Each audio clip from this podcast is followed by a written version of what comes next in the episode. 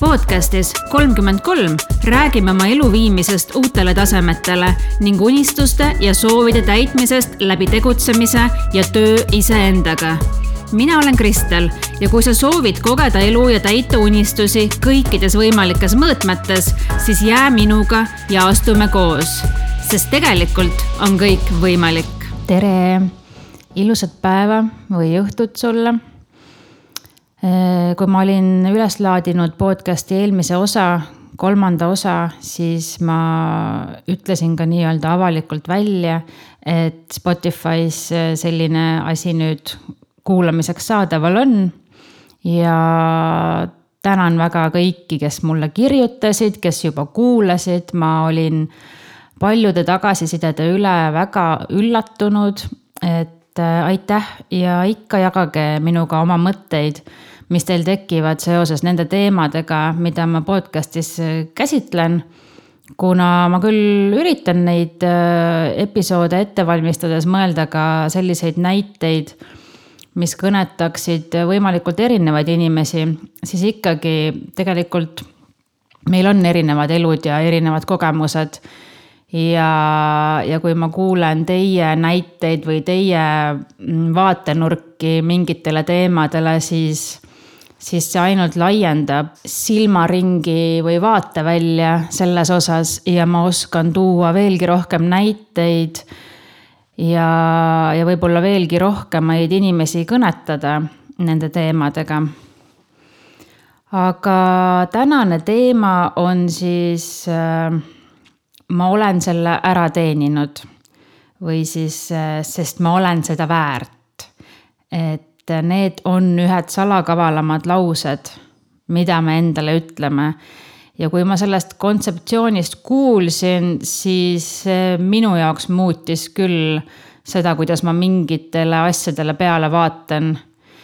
ja, ja võib-olla on sellest kasu ka sulle et enesearengu kõiksugused materjalid äh, väga palju räägivad sellest, et väärtusta ennast, usu, et sa oled neid asju väärt. Ähm, aga, aga seda kontseptsiooni saab äh, ka üsna valesti mõista. kujutle nüüd näiteks ise, on esmaspäev, uute alguste päev ja sa teed hoolega tööd, peale tööd käid trennis ja päeva jooksul valid hoolega, mida sa sööd, mida sa jood. ja niimoodi ka teisipäev, kolmapäev, neljapäev ja tuleb reede ja sa ütled endale, ah, pikk nädal on selja taga ja ma olen nii korralik olnud. järelikult ma olen selle ära teeninud. ja jätad näiteks täna trenni vahele lähed restorani või külla, kus sööte ja joote valimatult poole ööni või, või isegi vahel hommikuni järgmine päev sa magad poole päevani ja siis vaatad peeglisse ja ütled endale, et aa, esmaspäevast jälle.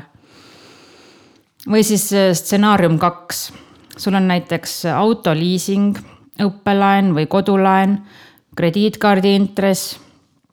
Ja sa plaanid hakata mingi koguse oma palgast kõrvale panema, et sa saaksid näiteks laenud makstud ja oma meelerahufondi koguda aga siis saabub palgapäev ja sa ütled endale, oh, ma olen selle ära teeninud. enne kui kõrvale panen, käin ikka selles restoranis ja ostan endale need riided või jalanõud või koti, mida ma ammu vaadanud olen. ma olen neid ju nii ammu vaadanud ja soovinud ja, ja nüüd on need veel soodukaga ka. ma olen ju selle ära teeninud, eks ju. stsenaarium kolm. õhtul, kui oled lapsed magama pannud, oleks sul vaja tegeleda oma näiteks side business'iga või lugeda või tahad mingit e-kursust läbida, mille sa oled ostnud. või siis sul on mingi hobi või elukaaslasega kvaliteetaega veeta. aga näiteks sa oled sel päeval öösel halvasti maganud, lapsed on sind äratanud üles või mis iganes, oli hull päev keegi jäi haigeks või oli lihtsalt vasaku jala päev. isegi kui ei olnud, siis sa ju ikkagi hoolitsesid terve päeva oma pereliikmete vajaduste eest ja kui lapsed on voodisse pandud ja saabub õnnis vaikus, mida sa siis teed? kas sa ütled endale, et ma olen ära teeninud oma eesmärkide kallal töötamise või sa ütled endale, et ah, täna ma olen küll klaasi veini ära teeninud ja äkki on jäätist ka sügavkülmas ja no vaatame täna lihtsalt Netflixist seriaali. Ühesõnaga, mõte seisneb selles, et nii kui me oleme kuskil millegagi pingutanud, vaeva näinud, meil ei ole kerge olnud siis hakkab meie väike hääleke äh, meie peas rääkima, et sa oled pausi ära teeninud, luba endale midagi, sa oled nii tubli olnud, sa võid, sa oled seda väärt ja isegi, kui sa oled endale eesmärgiks võtnud, endale lubaduse andnud iga päev teha mingit ees, enesearenguga seotud tegevust, kas siis lugeda, päevikut pidada, oma äriplaani edendada ja nii edasi, siis tuleb õhtu või reede või mis iganes rammestus, väsimus, diivan kutsub, oh, aga ma ju olen väikese puhkuse ära teeninud. arusaadav ja kõlab väga loogiliselt aga nii võib see kesta päevi, nädalaid, kuid ja isegi aastaid. kas sa tõesti oled ära teeninud nii palju raisatud aega, nii palju endale murtud lubadusi selle vabanduse all, et sa oled ära teeninud jutumärkides lõõgastumise? ma ei usu mul on ka neid hetki nii palju olnud, kus on rammestus või väsimus või tüdimus või siis teine variant, ma tegelikult ei taha mingi raskema või ebameeldivama tegevuse juurde minna, mis mind ees ootab ja siis ma alateadlikult otsin väljapääsu. ja siis ma mõtlen, kusjuures need mõtted käivad kähku ja need ei jõua isegi sõnadeks formuleeruda ma mõtlen, et ma ei jaksa ju niikuinii sel hetkel midagi muud teha, las ma siis scroll in natukene Instagramis ma olen juba tänaseks nii palju teinud, et võin seda endale lubada küll. ja eriti äge vabandus on veel see, et äh, ma saan ju sotsiaalmeediast inspiratsiooni ja see paneb mind rohkem pingutama ka oma elus. ja siis ma kerin ja vaatan ja kerin ja vaatan, minutid muudkui lähevad, kümme, kakskümmend, kolmkümmend minutit scroll ida, no problemo ja seejärel ma olen päriselt niimoodi teinud, et ma panen lõpuks telefoni ära ja tunnetan. nii, mida ma nüüd siit kaasa võtsin? mida ma päriselt oma ellu nüüd juurde sain pärast seda pikka sotsiaalmeedia kerimist? ja kusjuures ma ei tea ma ei oska ühtegi asja pärast välja tuua, mida ma sain peale seda kolmekümneminutilist scroll imist ja mida ma siis nüüd tänu sellele oma elus teistmoodi teen. et mis väärtuse see mulle andis. ja see ongi nii naljakas, kuidas äh, sotsiaalmeedia ülesehitus ja meie aju ikka kokku käivad kerimise ajal päriselt ka tundub, et oo jaa, kui palju inspiratsiooni ja põnevust ja väärtust. aga paned telefoni ära ja mõtled, et mida see mulle nüüd juurde andis. mida see tegevus minu elu heaks praegu tegi peale selle, et lihtsalt röövis minu käest just kolmkümmend minutit? vastus on ju, et mitte midagi ja nagu sa juba ilmselt isegi aru saad, siis ma olen selle ära teeninud mentaliteet võib harjumuste muutmise ja eesmärkide saavutamise meie jaoks ikka väga keeruliseks teha. universumis on üks lihtne seadus, mille eest mitte keegi põgeneda ei saa ja see on põhjuse ja tagajärje seadus. universumit ei huvita sinu, oi, mul oli raske päev ja ma olen selle asja ära teeninud ja nendel hetkedel, kui sa kinni, kinnistad endale, et sa oled midagi selles hetkes ära teeninud, oled sa tegelikult iseenda pidur. sa hoiad end tagasi edasiliikumisest, hoiad end tagasi arengust, hoiad end tagasi oma unistuste täitumisest. sa liikusid just kolm sammu edasi, aga nüüd astud needsamad sammud tagurpidi tagasi. hetkedel mil sa tunned kiusatust või jõuetust. tunned, et sa lihtsalt tahad istuda diivanisse ja küpsise paki kätte võtta ning seriaali või telefoni ekraani sisse ära kaduda, küsi endalt hoopis, mida ma saan enda heaks päriselt teha. mida mu aju vajab, mida mina tegelikult vajan.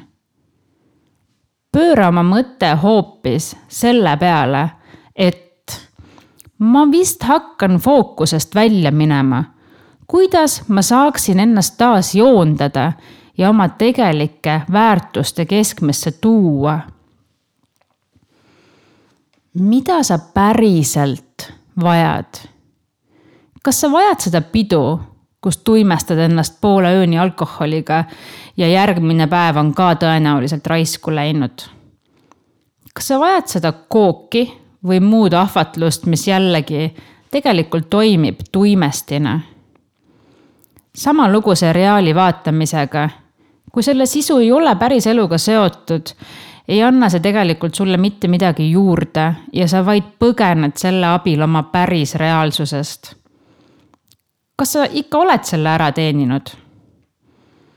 põhjuse ja tagajärje seadus saab meid igal pool kätte. koolis äh, õpetaja andis hea vabanduse korral sulle tegemata kodutöö andeks, aga reaalne elu nii ei toimi ja enne kui ma jõuan sinna, milleni ma nüüd tahtsin jõuda, et kuidas siis oma suhtumist nendel hetkedel teistpidi pöörata. Ma toon seoses vabanduste otsimisega veel ühe näite, mida ma lihtsalt olen juba aastaid ja aastaid märganud ja ikka ja jälle märkan, et võib-olla on sul sama lugu. me oleme ju kõik käinud sünnipäevadel. Oletame, et see on selline sünnipäev, kus on erinevaid inimesi, nooremaid ja vanemaid. Kindlasti suur hulk erinevates vanuseklassides naisi. Ja kui hakatakse serveerima torti, siis hakkab pihta üks suur ohkimine ja võistlus, kes parema vabanduse välja mõtleb, miks ta võib täna seda torti süüa. mõni ütleb, et oo no ega ma väga ei, muidu ei söö või ei taha, aga no pidupäeval võib. ja teine jällegi, et noh, ega ma ei tohiks, aga see näeb nii hea välja ja kolmas, et ja, ja see on just sellelt tegijalt, kelle torti ma pole proovinud, no pane mulle ka üks väike tükk siis. Kõik teevad näo, et nad muidu tordisööjad ei ole või et nad ei tohiks tegelikult torti süüa, aga igaühel on varrukast võtta hea vabandus, miks talle ikka selle tüki tõstma peaks. alati tekib tordi söömise ümber mingi arutlus alates sellest, kes läheb pärast jala koju ja kes kui palju tegelikult kaaluda tahaks või, või midagi sellist. ja siis veel see asi ka, et kui keegi ütleb, et ta ei soovi, siis hakatakse, et no võta ikka ka proovi, tõstan sulle väikse tüki bla, bla, blablabla see tähendab põhimõtteliselt seda, et inimestel on torti süües süümeka koorem ja nad tahavad, et sina ka nendega seda koormat jagaksid ja siis ma olen alati mõelnud, et milleks. kui tahad, siis söö ja naudi seda. ja kui sa tead, et sa ei tohiks, et see ei lähe su pikaajaliste eesmärkidega praegu kokku, siis ära söö. võib küll raske olla, eriti kui sind hakatakse keelitama. aga siis mõtle sellele, kui hästi sa ennast tunned sealt sünnipäevalt koju minnes, et sa suutsid ei öelda. ja mitte midagi ei juhtu, kui sul jäi see üles haibitud kondiitritort nüüd proovimata. aga söömine, samal ajal süümekaid tundes, see on sama hea, mis valada see tort üle solgiveega minu arvates, sa ju isegi ei naudi seda võid mulle teada anda, kas sa oled ka seda sünnipäevatordi mustrit märganud või äkki, äkki hakkad nüüd tähele panema? nii, igatahes kuidas me siis saaksime nõrkuse hetkedel endale karuteene tegemise asemel end hoopis taas joondada ja oma tegelike väärtuste keskmesse tagasi tulla? ütlen kohe ära, et võluvitse siin ei ole. no natukene on ja selle nimi on teadlikkus tihti me haarame telefoni, söögi, Netflixi järele automaatselt, ilma selle üle pikemalt juurdlemata. mis tähendab, et me ei ole hetkes kohal ja me ei ole tegelikult teadlikud. aga küsi endalt, mida ma tegelikult väärt olen? päriselt ja pikaajaliselt. missugust tunnet sa väärt oled? missugused tunded oled sina oma ellu ära teeninud tegelikult? kuidas sa tahad end tunda nüüd ja alati? sa tegelikult ei taha ju end viis minutit hästi tunda ja siis kahetseda ja mõelda, et oo esmaspäevast või homsest või uuest aastast proovin uuesti. ma arvangi, et suur-suur võti on see, et sa ei keskenduks niivõrd tegevusele, mida sa tahad teha parasjagu ja mille sa oled enda arvates äh, tohutult välja teeninud, vaid tundele, mida sa tahad tunda. Nendele tunnetele, mida sa tahad oma ellu rohkem juurde luua. mõtle sellele, kuidas sa tunned ennast pärast teadvustamata scroll imist või teleka ees vedelemist versus kuidas sa tunned end pärast seda, kui oled endale tõelist kvaliteeti pakkunud. kas ei oleks mitte hea mõte nendel hetkedel kus me tahame jutumärkides puhata ja endale midagi lubada, hoopis korraks silmad kinni panna ja tunnetada. tunnetada, kuidas ma saan muuta seda jõudeaega enda jaoks efektiivseks ja väärtuslikuks ning selliseks, et ma tunneksin ennast pärast ka hästi ja tahaksin seda tunnet ikka uuesti ja uuesti kogeda. alustuseks mõtle oma väärtustele. mõtle sellele, milline inimene sa soovid, et sa oleks. Millised on meie soovid meie elule ja millised on pikaajalised eesmärgid? ja seejärel võid tunnetada, milline oleks see tegevus selles hetkes, mis läheb just selle inimesega kokku, kes sa olla tahaksid. siin tuleb ka identiteet mängu. identiteedist ma rääkisin üle-eelmises osas. kui sa soovid olla inimene, kes on näiteks heas vormis, hea tervisega, emotsionaalselt tasakaalus, kes jõuab palju ära teha, siis sa pead võtma omale selle inimese identiteedi. ja kui sa silmad kinni kujutled, et mida see inimene sellises hetkes, nagu sa parasjagu oled, teeks, siis sa saadki oma vastuse, kuidas pakkuda endale kvaliteetset jõudeaega.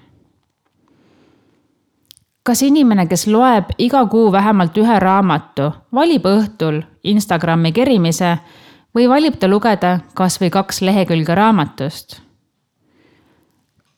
kas inimene, kes ei ole materiaalselt valmis ootamatusteks, valib osta endale uue käekoti või ta valib paigutada regulaarselt raha meelerahufondi? Kas inimene, kes soovib, et tal oleks avatud ja lähedane paarisuhe, valib õhtul filmi vaadata või ta valib oma kaaslasega rääkida ja teda veelgi paremini tundma õppida. kas inimene, kes soovib iseenda tunnetes ja mõtetes rohkem selgusele jõuda, valib sõbrannale kurtmise ja teistele tagarääkimise või ta võtab ette paberi ja pastaka ja kirjutab välja kõik, mis tema seest tuleb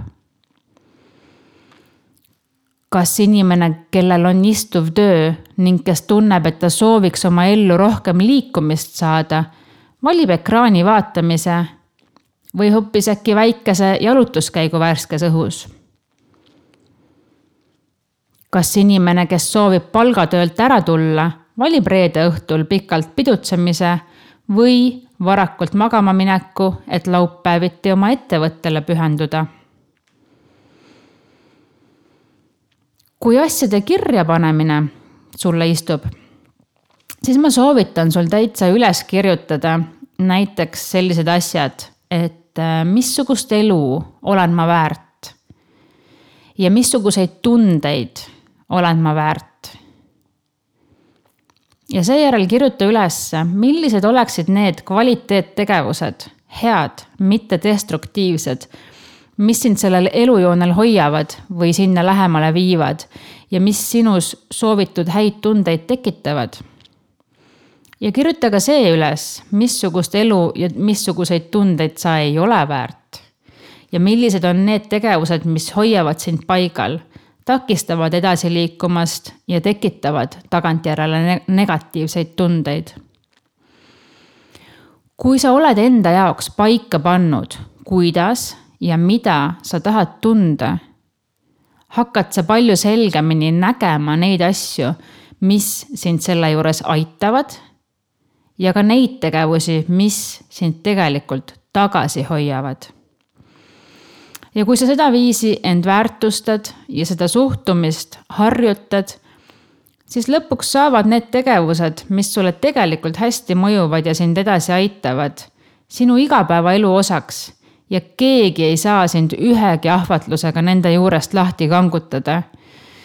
sest sina tead, mida sina tegelikult väärt oled. seega ärme kasuta ma olen selle ära teeninud mõtteviisi ettekäändena oma rajalt kõrvale libisemiseks vaid kasutame seda selleks, et motiveerida end oma pikaajaliste eesmärkide elluviimises. millal iganes sa oled midagi edasi lükkamas, vältimas, pausi tegemas, rajalt kõrvale libisemas, mõtle sellele, et sa oled ära teeninud selle mugavustsoonist väljatuleku, selle eneseületuse, selle loobumise sest sa oled ära teeninud selle tunde, mis ootab sind teisel pool, kui sa oled selle tegevuse ära teinud. sa oled ära teeninud, et su elu liiguks sinu soovitud suunas. sa oled seda väärt, et sa oleksid õnnelik ja tunneksid ennast hästi pikaajaliselt. lõpetuseks kõik see eelnev ei tähenda, et nüüd üldse ei tohi mitte kunagi endale midagi lubada. ja et kogu aeg peab tegema kõike hästi ja õigesti ja nii edasi. kindlasti mitte. magusat võib süüa, trennist võib puhkust võtta, peol võib käia.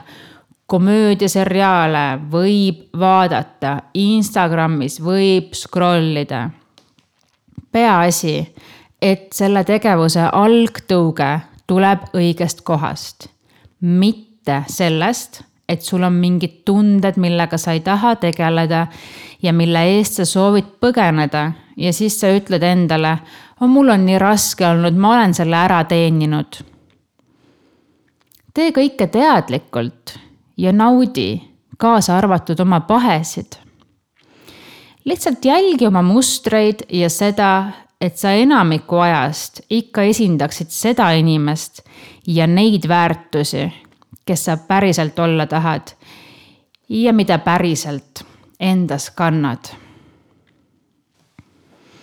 aitäh sulle kuulamast ja ära siis unusta, et sa oled väärt vaid parimat ja seda pikaajaliselt ja kvaliteetselt tšau, tšau.